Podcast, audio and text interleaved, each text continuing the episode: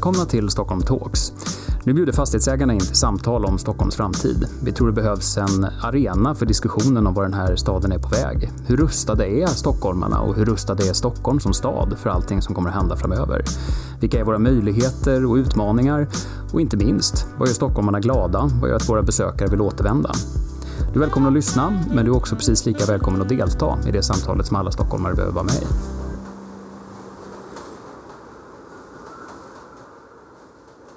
Varmt välkomna eh, till Stockholm Talks, detta 21 avsnitt, eller 21 episod, eh, som nu sker ungefär ett år efter det att eh, pandemin drabbade oss. Det var ju så att Stockholm Talks etablerades ju strax därför innan med syfte just att vara en plattform för framtidsdiskussioner om Stockholm.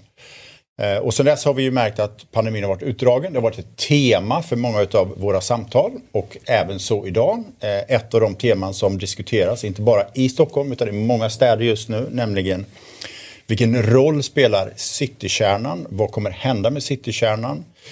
Eh, och när vi återstartar delar av våra städer, vilken roll och hur kan citykärnan utvecklas? Och skälet till att man diskuterar det såklart är ju att City ofta har en mycket mindre andel bostäder och har då drabbats mycket hårdare just av restriktioner när det gäller besöksnäring, kultur, men också många kontor som ju jobbar på distans.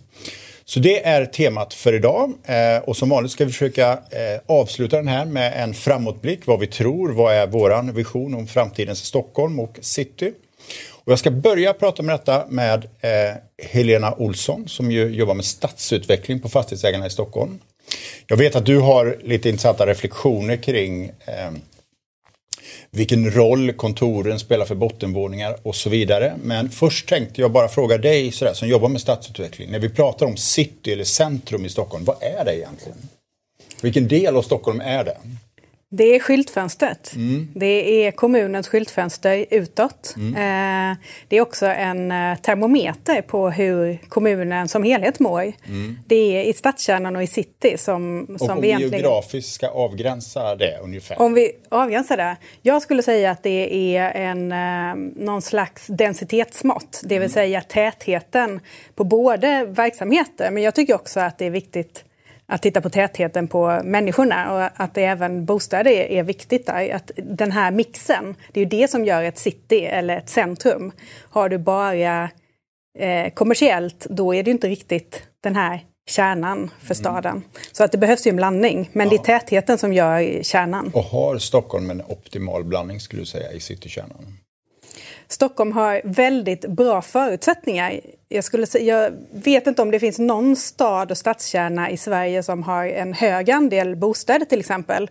För det är ju just som du var inne på, någonting som vi har märkt under det här året att, att den här blandningen gör ju också att en plats blir mer eh, hållbar och resilient och motståndskraftig. Eh, Stockholm har jättegoda förutsättningar där med en eh, boendeandel i kommunen. I, I stadskärnan på 12 procent Göteborg ligger på 2% till exempel. Eh, men också i innerstan, om vi vidgar lite grann ut på Malmarna, så, ligger, så bor ungefär en fjärdedel av Stockholms befolkning mm. där. Så att i Stockholm har vi väldigt goda förutsättningar för, att få den här mixen och en stad som lever eh, så många timmar som möjligt på dygnet. Mm. Och du pratar om skyltfönster. Vad betyder då ett skyltfönster för stadens attraktion, för att människor ska söka sig till Stockholm och vilja bo i Stockholm? Ja, det handlar ju både om att attrahera människor som vill flytta till staden. Eh, det handlar om att attrahera företag och etablera sig där, huvudkontor. Eh, och när den massan finns, det underlaget finns, ja men då finns ju också verksamheter där som kan, som kan gå runt och som helt enkelt kan, kan eh, skapa det här stadslivet. Så det blir ju liksom en, ett ekosystem här som, man, som är väldigt viktigt att ha med sig. Och såklart också skatteintäkter för kommunen. Så att det här blir ju liksom en, ett hjul som, som rullar. När man, och därför är det så väldigt viktigt att det här skyltfönstret är bra. Hur står det till med eh, skyltfönstret idag? Då? Det är, det är sargat. Mm. Eh, det är klart att det här året har varit Stockholm som har liksom haft en obruten i princip tillväxt i 30 år och liksom, det är ingen som har liksom lidit i Stockholm och det har rullat på väldigt bra. Det är klart att när då det händer, det skakas om och helt plötsligt skakar marken eh, för en huvudstadsregion som liksom inte har känt av det här innan och som klarat sig igenom de senaste kriserna vi sett väldigt lindrigt när andra städer har kämpat.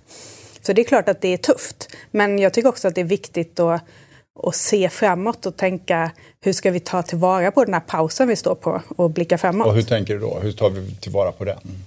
Fundera över vad man vill vara. Vad vill Stockholms skyltfönster ha för innehåll i framtiden och vad vill man vara och vad, hitta en tydlighet i det. Eh, jag brukar säga redan innan detta att det är så viktigt att man jobbar tillsammans i detta. Eh, våra medlemmar, fastighetsägare, spelar en viktig roll. Eh, kommunen med sina visionsarbete och planering spelar en viktig roll. Men det är också jätteviktigt med de verksamheterna som finns. Eh, företag, eh, butiker, restauranger. Det skapar ju också det här stadslivet som drar folk och människor, vi stockholmare. På, på, på vilket sätt tror du att citykärnan kommer att vara annorlunda efter pandemin, om vi blickar säger vi två år fram mm. än vad den var innan pandemin? Vad kommer att vara annorlunda? Men jag tror och hoppas att vi, eh, vi just vi har blivit lite mer selektiva och liksom omsorgsfulla i vårt val av vad vi vill göra, vad vi vill, vad vi vill konsumera. Vi såg den här trenden av den medvetna konsumtionen, att man vill vara på en plats som, som, som, som erbjuder ett kontext som man trivs i. Eh, det här liksom den typen av liksom medvetenhet tror jag att eh, vi kommer få och hur kommer se det, mer av. Vilket uttryck kommer det ta i staden?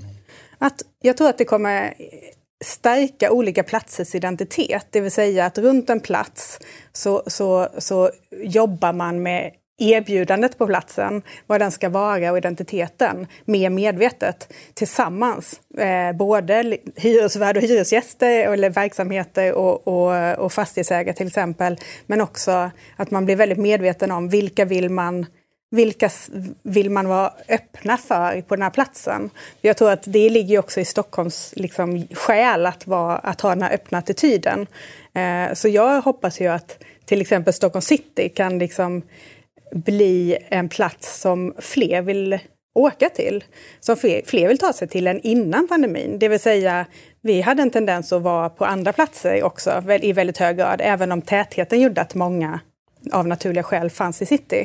Men att man faktiskt vill vara, att fler olika typer av målgrupper Vilken roll människor vill vara. spelar kultur, upplevelser, musik, idrott? Det spelar ju jättestor roll och det var ju där vi var innan pandemin också. Just det här att vi, måste, vi kommer ersätta det här att vi gör ärenden och shoppar i city till, att, till det här upplevelser och möten. Mm. Eh, vi vet ju att det är det som vi vill ha.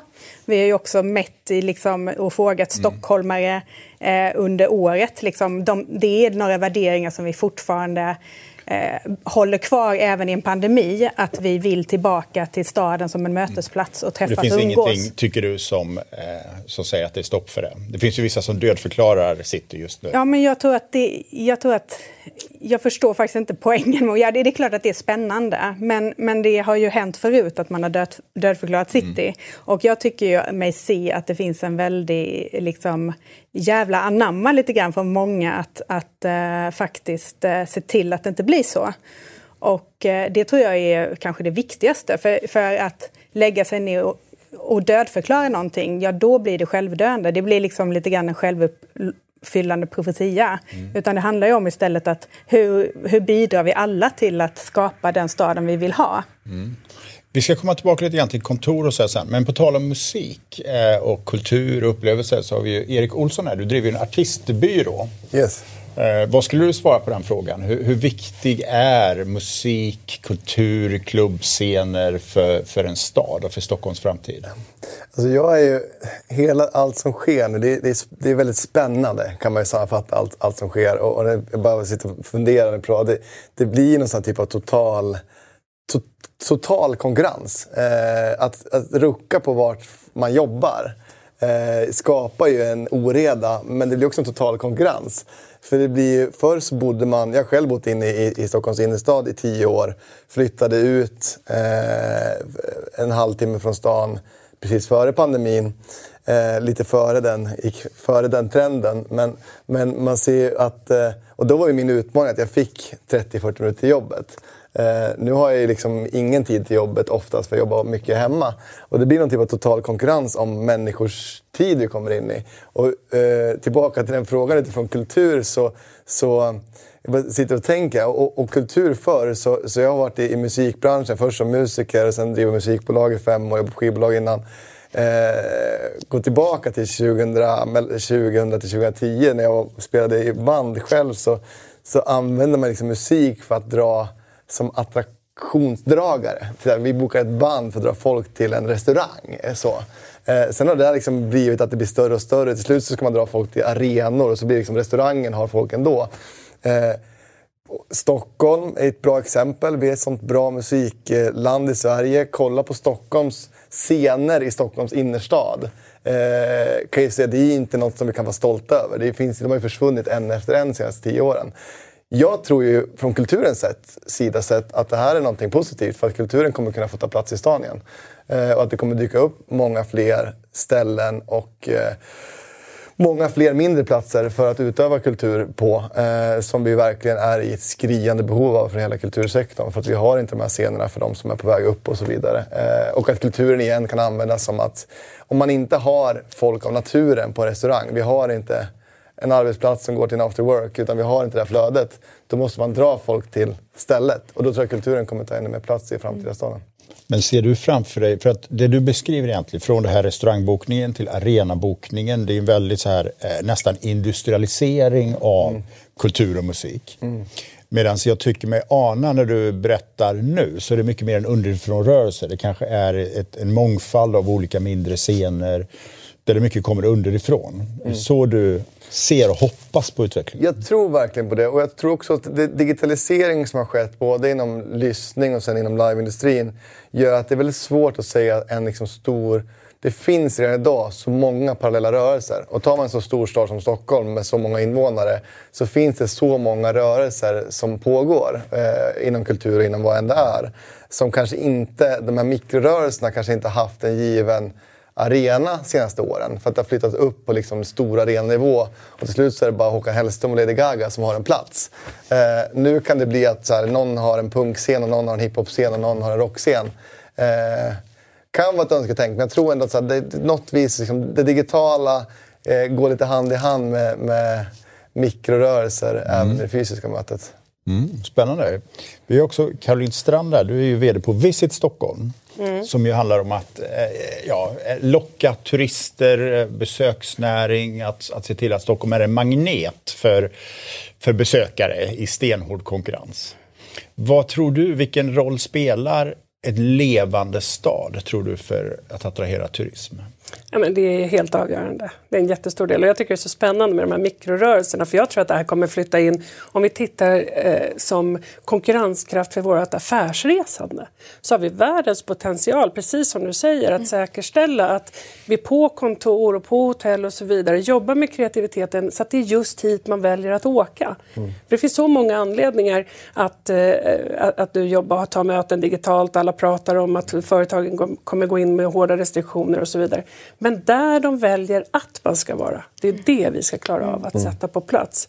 Eh, så att vi inte är den man väljer bort. Och där tror jag kultur, kreativiteten, maten och sen hela den här viktiga samverkan, att se till att det där systemet föder varandra. Eh, det tror jag är helt avgörande. Mm. Tror du att Stockholm kommer att vara väldigt annorlunda efter pandemin än vad det var innan? Ja, jag tror kanske inte att vi ser det på ytan i alla lägen. Mm. Men jag tror att vi kommer ha en helt annan samverkansklimat, alltså ett samskapande. Där vi kanske har sett oss som en ganska stor stad eh, i förhållande till våra svenska, liksom andra städer. Där vi helt plötsligt förstår att vi är en ganska liten stad där vi kan påverka väldigt mycket i förhållande till andra internationella städer. Och där vi med ja, men ganska, ganska små eh, strukturella samverkansformer kan sätta väldigt mycket spännande människor runt samma bord som kan samskapa. Eh, den viljan har ju blivit större nu. Mm. Och se, ser du idag tecken på, på detta? Ja, Mm. Nej, men det ser jag absolut. Mm. Jag ser en e- extremt mycket större vilja att vilja komma mellan olika branscher, ska mötas och föda varandra. Mm. Olika, liksom, man vågar ta upp utmaningar. Det finns en väldigt stor vilja också från branscher som klarar sig rätt bra i pandemin att vilja eh, komma nära de branscherna som har det tuffare. För att, inte bara för att hjälpa och vara någon slags eh, schysst person utan för att där finns det ju någonting som de inte klarar av. Det vill säga där det mänskliga mötet har varit centralt. Mm. Det är det som kommer vara helt avgörande för, för vi kommer vilja mötas igen. Mm. Det kommer vi verkligen. Jag tänker så här att, att eh, Erik pekar på en bild här av eh, mikrorörelser. Mm. Ja. Eh, hur, vad skulle du säga, eh, fastighetsägarna, mm. Eh, hur, hur ställer sig stadens fastighetsägare till till den här typen av utveckling. Mm. Eh, jag tänker mig att, att, när det gäller liksom affärsmodeller, eh, man har ju varit ganska van vid liksom bottenvåningar på sitt sätt, mm. kontor på sitt sätt och sådär.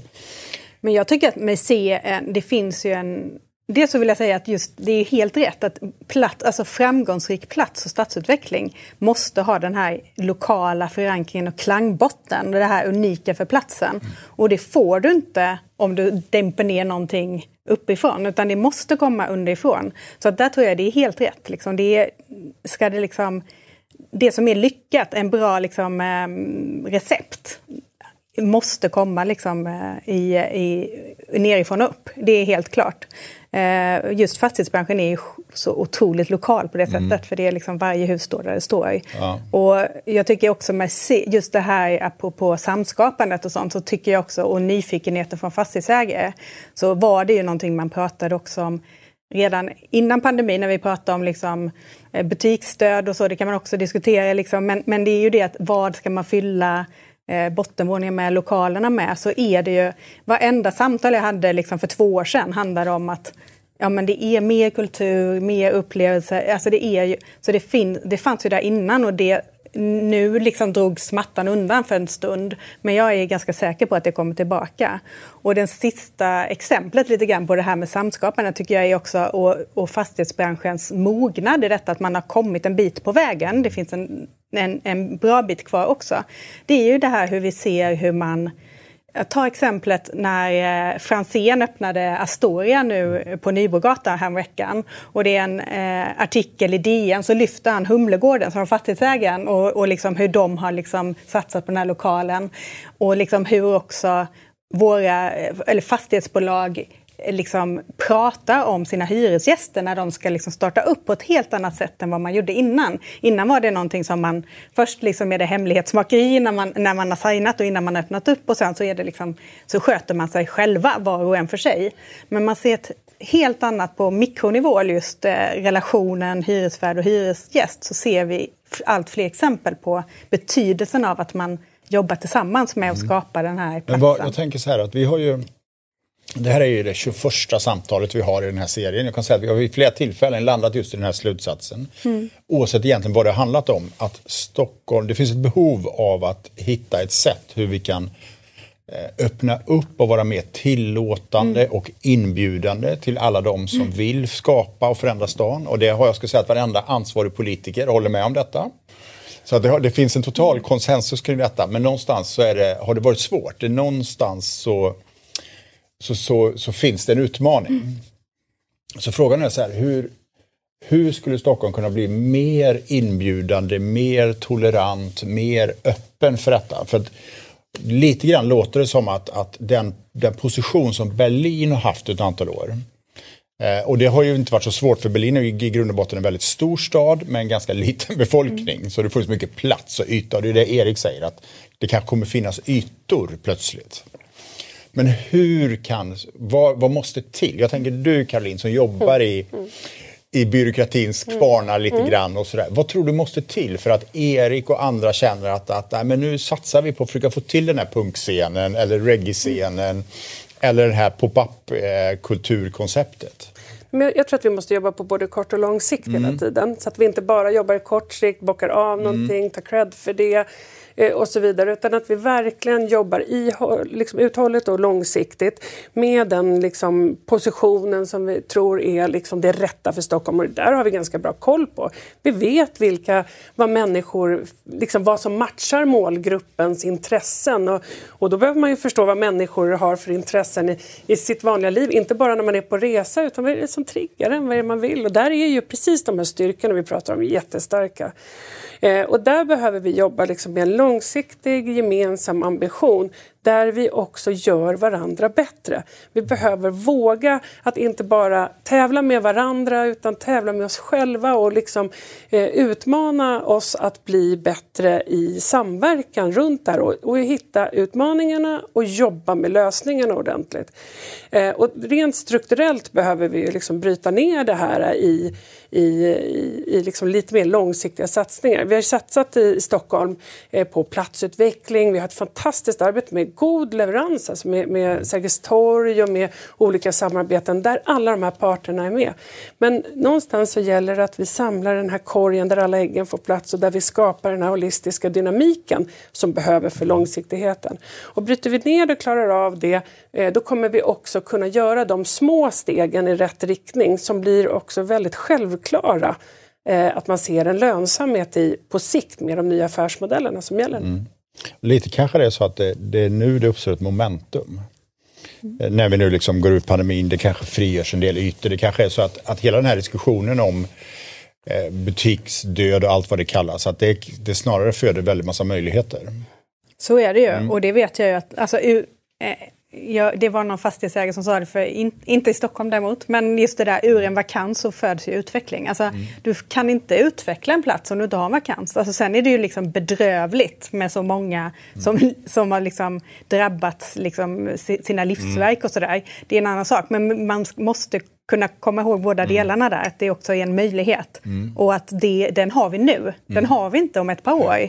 Mm, och det är inte bara vakanserna så, utan mm. det är innovationskraften mm. hos de befintliga, de som klarar att hugga i nu. Det, de, de vänder ju och vrider på ett sätt som är helt nytt för Stockholm. Där vi lär oss saker av varandra hela tiden och vi kommer se andra typer av samarbeten mm. som kommer ur det som också skalas upp mm. och, och blir starkare. För ja. Jag tänkte så här när det gäller arbetsmarknaden och kontorens roll. Och så här. Erik, du har ju startat ett företag. Ni sitter i Stockholm. Hur tror du att ni kommer jobba framöver? Kommer dina, du och dina medarbetare att lika ofta åka till kontoret? Det är också eh, på Birger mitt i Stockholm. Mm. Eller hur? Ja, vi har ju också bli, botten, vi har en botten, en gammal butikslokal. Mm. Men eh, jag tror att vi, vi jobbar med artister, vi jobbar med ett vad kan det vara, 60-tal artister. Vi från början ville vi bygga den här lokalen som en, liksom en, en plats där man vill hänga. Vi hade från start väldigt, kanske 50% av ytan som hängyta. Nu har den ytan blivit 70% av lokalen. Mm. Eh, nu har vi också två digitala studios där vi gör eh, vi har konsert ikväll på kontoret till våra grannars eh, och fastighetsägares lycka. Eh, vi använder det till annat och, och vi bestämde faktiskt förra veckan att vi, kom, att vi kommer krympa det ännu mer. Eh, just för att vi ser, dels så måste vi, eh, jag som, som, som driver ett bolag med 20 anställda, eh, vi måste göra kontoret så pass attraktivt att man vill vara där.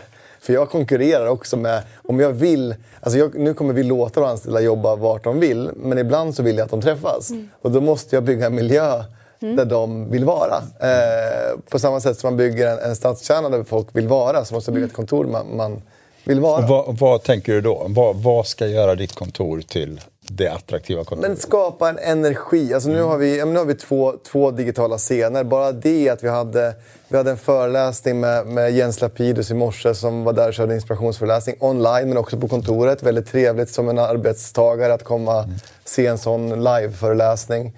Eh, känsla, rörelse, eh, energi, kreativitet. Eh, ett eh, pingisbord ger mer än fyra tomma kontorsplatser. Tror jag. Alltså så, att så här, vi, man måste vilja vara på det här stället. Det ska vara kul mm. att komma hit. Och det, för oss som jobbar med människor, med artister, så är det samma. Det går ju igenom hela vägen.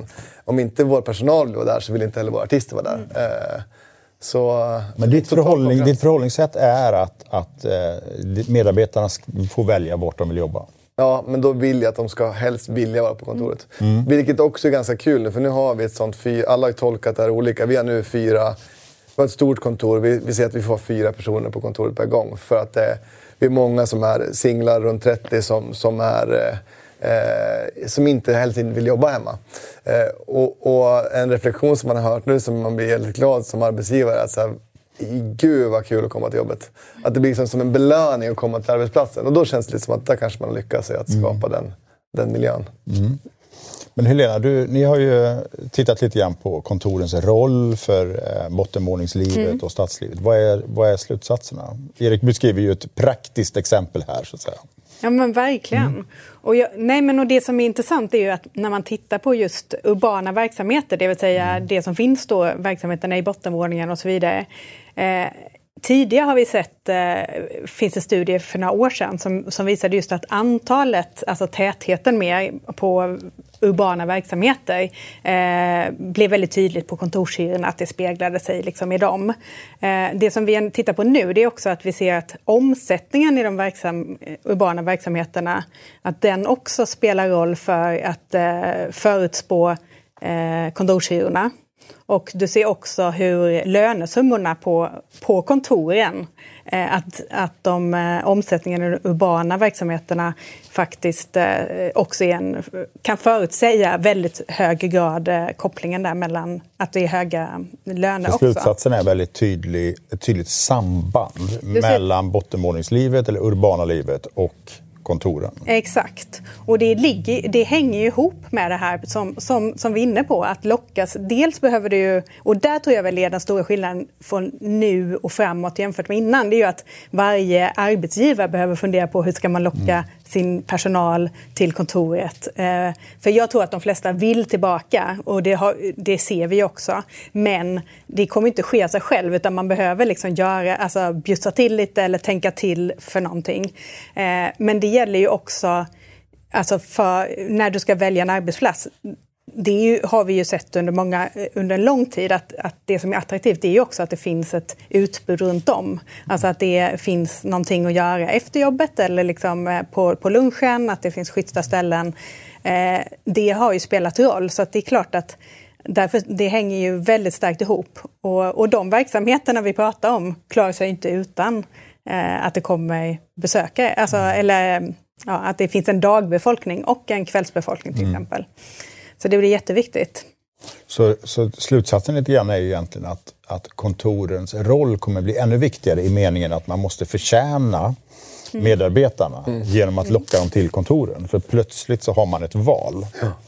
Precis. Mm. Och jag skulle säga att alltså, hela den här transformationen som finns nu med liksom att vi, ja, men diskussionen som finns att man inte behöver lika mycket kontorsytor och liksom att de kommer vara mer sociala. Det såg vi ju även innan i form av alltså hela coworking-trenden. Så jag skulle säga att det är inte coworking i sig. Coworking är symptomet på att man vill vara på platser där det finns andra, alltså grannföretaget eller de som man delar kontor med. Eller kanske beroende på vad man har för uppgift att lösa. Mm. Så hittar ja, men man platsen som bäst svarar mot det. Ja, men och, liksom, och och att man också använder ytorna effektivare. Mm. Eh, de bitarna, det, är ju liksom, det, det, tror jag mer att det, det kommer liksom vara mer normen på hur ett kontor kommer se ut. Eh, och det är kanske skillnaden jämfört med före pandemin. Mm. Kalin? Vi har ju också byggt ihop på Visit Stockholm, alltså Invest Stockholm och Visit mm. Stockholm jobbar med talangattraktion och investeringsfrämjande på Invest Stockholm och på Visit Stockholm jobbat med besökare. Vi har byggt ihop hela vår digitala bild mot att besökare och talanger, det är samma mm. drivkrafter, det är samma dialog. Så att vi måste förtjäna våra talanger om de så är lokala och ska ta sig in ifrån, från, från sitt hus och jobba eller om de ska faktiskt komma hit i tre månader och jobba hos oss, just oss. Eh, och det är ett stort bit. Och så vi, det kommer bli samma drivkrafter att jobba med de boende och, och jobba med besökare. Och där har vi en jättepotential. Vi kan ju mycket om det. Mm. Härligt det här tycker jag att, att det här är en frågeställning som ofta är ganska, eh, det finns en ganska dyster utgångspunkt. Eh, men jag tycker att det här samtalet har varit väldigt hoppfullt egentligen att det finns ett möjligt momentum eh, och det kan också vara så att plötsligt så frigörs det plats för allt det vi har velat göra. Och även på kontorssidan om man tar det så var det så att innan pandemin så pratade vi i huvudsak om bristen på Exakt, kontor och hur svårt precis. det var att växa och mm. sådär. Eh, så kanske är det så att plötsligt så finns det liksom resurser och potential och samarbetsklimat som vi kan eh, göra någonting med. Men jag tänkte så här att vi ska runda av lite grann men då tänkte jag så att, att fundera på liksom, okay, vad, om det är så att det finns helt plötsligt ett momentum för Stockholm att kanske göra sånt vi inte har gjort. Att, ehm, eh, att utvecklas på ett sätt där vi har liksom kompletterat med sånt som har varit en brist. Vad skulle Stockholm kunna göra som Stockholm inte gjort tidigare? Vad säger du Caroline? Vad ska vi ta för möj vilka möjligheter ska vi ta nu? Ja, men vi ska sätta kulturen först. Vi ska jobba tillsammans med innehållet och våga lyfta fram det, vara stolta och sen ska vi jobba tillsammans med stockholmarna för de är absolut den bästa världen, liksom ta värdskapet tillsammans med kulturen för att utveckla Stockholm. Mm. Erik, vad säger du? Alltså, en, en sån liten sån, men det bara, bara halka upp i den reflektionen. Men, men att sänd, i den stället som sänder. Nu är Stockholm den största staden i Sverige. Vi har flest talangprofiler, eh, talang, profiltätast det staden skulle jag säga utan att statistiken, men det känns, känns som att det bör vara så. Att ta positionen av att sända och, och, och att vara så här, om, för om man tror att många konsumerar digitalt, kollar på digitala event, kollar på digitala konserter så varför har vi velat åka till Hollywood eller Las Vegas eller vad nu det är som svensk? Jo, för att vi har sett, de har sänt därifrån. Mm. Och det tror jag Stockholm kan bli en sändande plats för, för innehåll. Eh, och att det kan vara en jätteusp för Stockholm som stad. Superintressant, ett, ett nytt kluster. Ja, exakt, vi mm. sänder. Vi sänder. Mm. Ja, och då blir allt som sänder från Stockholm reklam för Stockholm. Och är man i en viss ålder, en viss person mm så kommer nog vilja vara där det sänder mm. ifrån. Det vill inte bara vara den som tittar. Ja, men också så här, därifrån man sänder, det är där man skapar också. Exakt. Så att, eh, och Helena, vad säger du? Ja, men då får jag väl spela in alltså mindsetet, att vi alla har liksom ett ansvar för att, alltså stadslivsansvar, det vill säga var, var den staden du vill se. Alltså, oavsett som privatperson eller som verksamhet eller, eller, eller vad det nu kan vara. Så, så eh, om vi liksom blir liksom sanna i den bilden, då tror jag att vi också kan komma väldigt mycket längre. Mm. Bra, jag säger tack så mycket till er. Och eh, nu tänkte jag kolla med Oskar Öholm som suttit och lyssnat här. Vad säger du? Ja, men då skulle jag nog säga att hela det här samtalet för vi nu väldigt mycket, vad händer efter pandemin? Men när man lyssnar på det så är det ju också väldigt uppenbart att det här är precis de frågorna som vi har pratat om i City i flera år. Alltså det, det tycker jag är liksom reflektionen. Att det har blivit superpopulärt att prata om hur befintliga trender turboladdades av pandemin. Det har vi ju hört nu överallt ifrån. Men det är kanske ingenstans där det är så tydligt som just stadskärnornas utveckling. För där har ju de här, så allt det som pandemin har slagit mot, alltså eh, på något sätt, eh, hur ska kontoren se ut? Hur ska nya tekniska möjligheter, hemarbete eller den här handelns omvandling, så kallade butiksdöd, allt möjligt. Allt det där har ju funnits som en citydiskussion i flera år. Eh, och det är precis det som pandemin har slagit mot. Så att det här samtalet är på ett sätt inte så annorlunda som det faktiskt hade varit Nej, för jag, jag, jag tycker ändå det fanns två perspektiv som var väldigt intressanta här. Det ena är ju att se det faktum att platser frigörs som en möjlighet. Eh, och då brukar vi ofta tänka, vi tänker väldigt statiskt här, okej okay, nu frigörs yta A, då måste vi göra B. Mm. Därför att det blir det nya normala. Men just det där att, att plötsligt så kanske det blir mer plats för kultur och för allt det som vi har saknat. Och det andra är någonstans att, att se pandemin inte som en parentes utan alla de här nya beteenden vi gör när vi sänder mer digitalt. Mm. Att det skulle kunna bli, vi skulle kunna skapa ett kluster kring det i Stockholm. Och det är en tanke som, som jag inte hört så mycket om tidigare. Det är väldigt spännande. Ja, men det var flera saker som kom upp i samtalet. Bara, bara, alltså, jag fastnade för några sådana här begrepp. Det är så här, ta vara på pausen. Det tycker jag är så här, inte, låt den sjunka in en stund. Liksom. Men också det här, man vill vara därifrån man sänder. Den, den är ju också som en huvudstad, som en tagline ganska, ganska bra. Den går att applicera på många olika saker.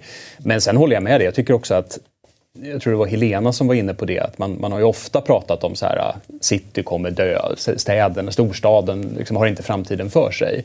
Och sen har det alltid visat sig vara fel, men, men det är det är olika saker i olika tider och det som jag tror kanske är lite unikt, att det här är första gången vi pratar om vad ska vi fylla city med där vi egentligen mest pratade kultur och upplevelser. Så har det ju inte sett ut historiskt utan då har det ju varit konsumtion och stora varuhus och, och det finns ju kvar, det är en del av det. Det är klart att det, det är spännande att gå och liksom handla saker mm. också.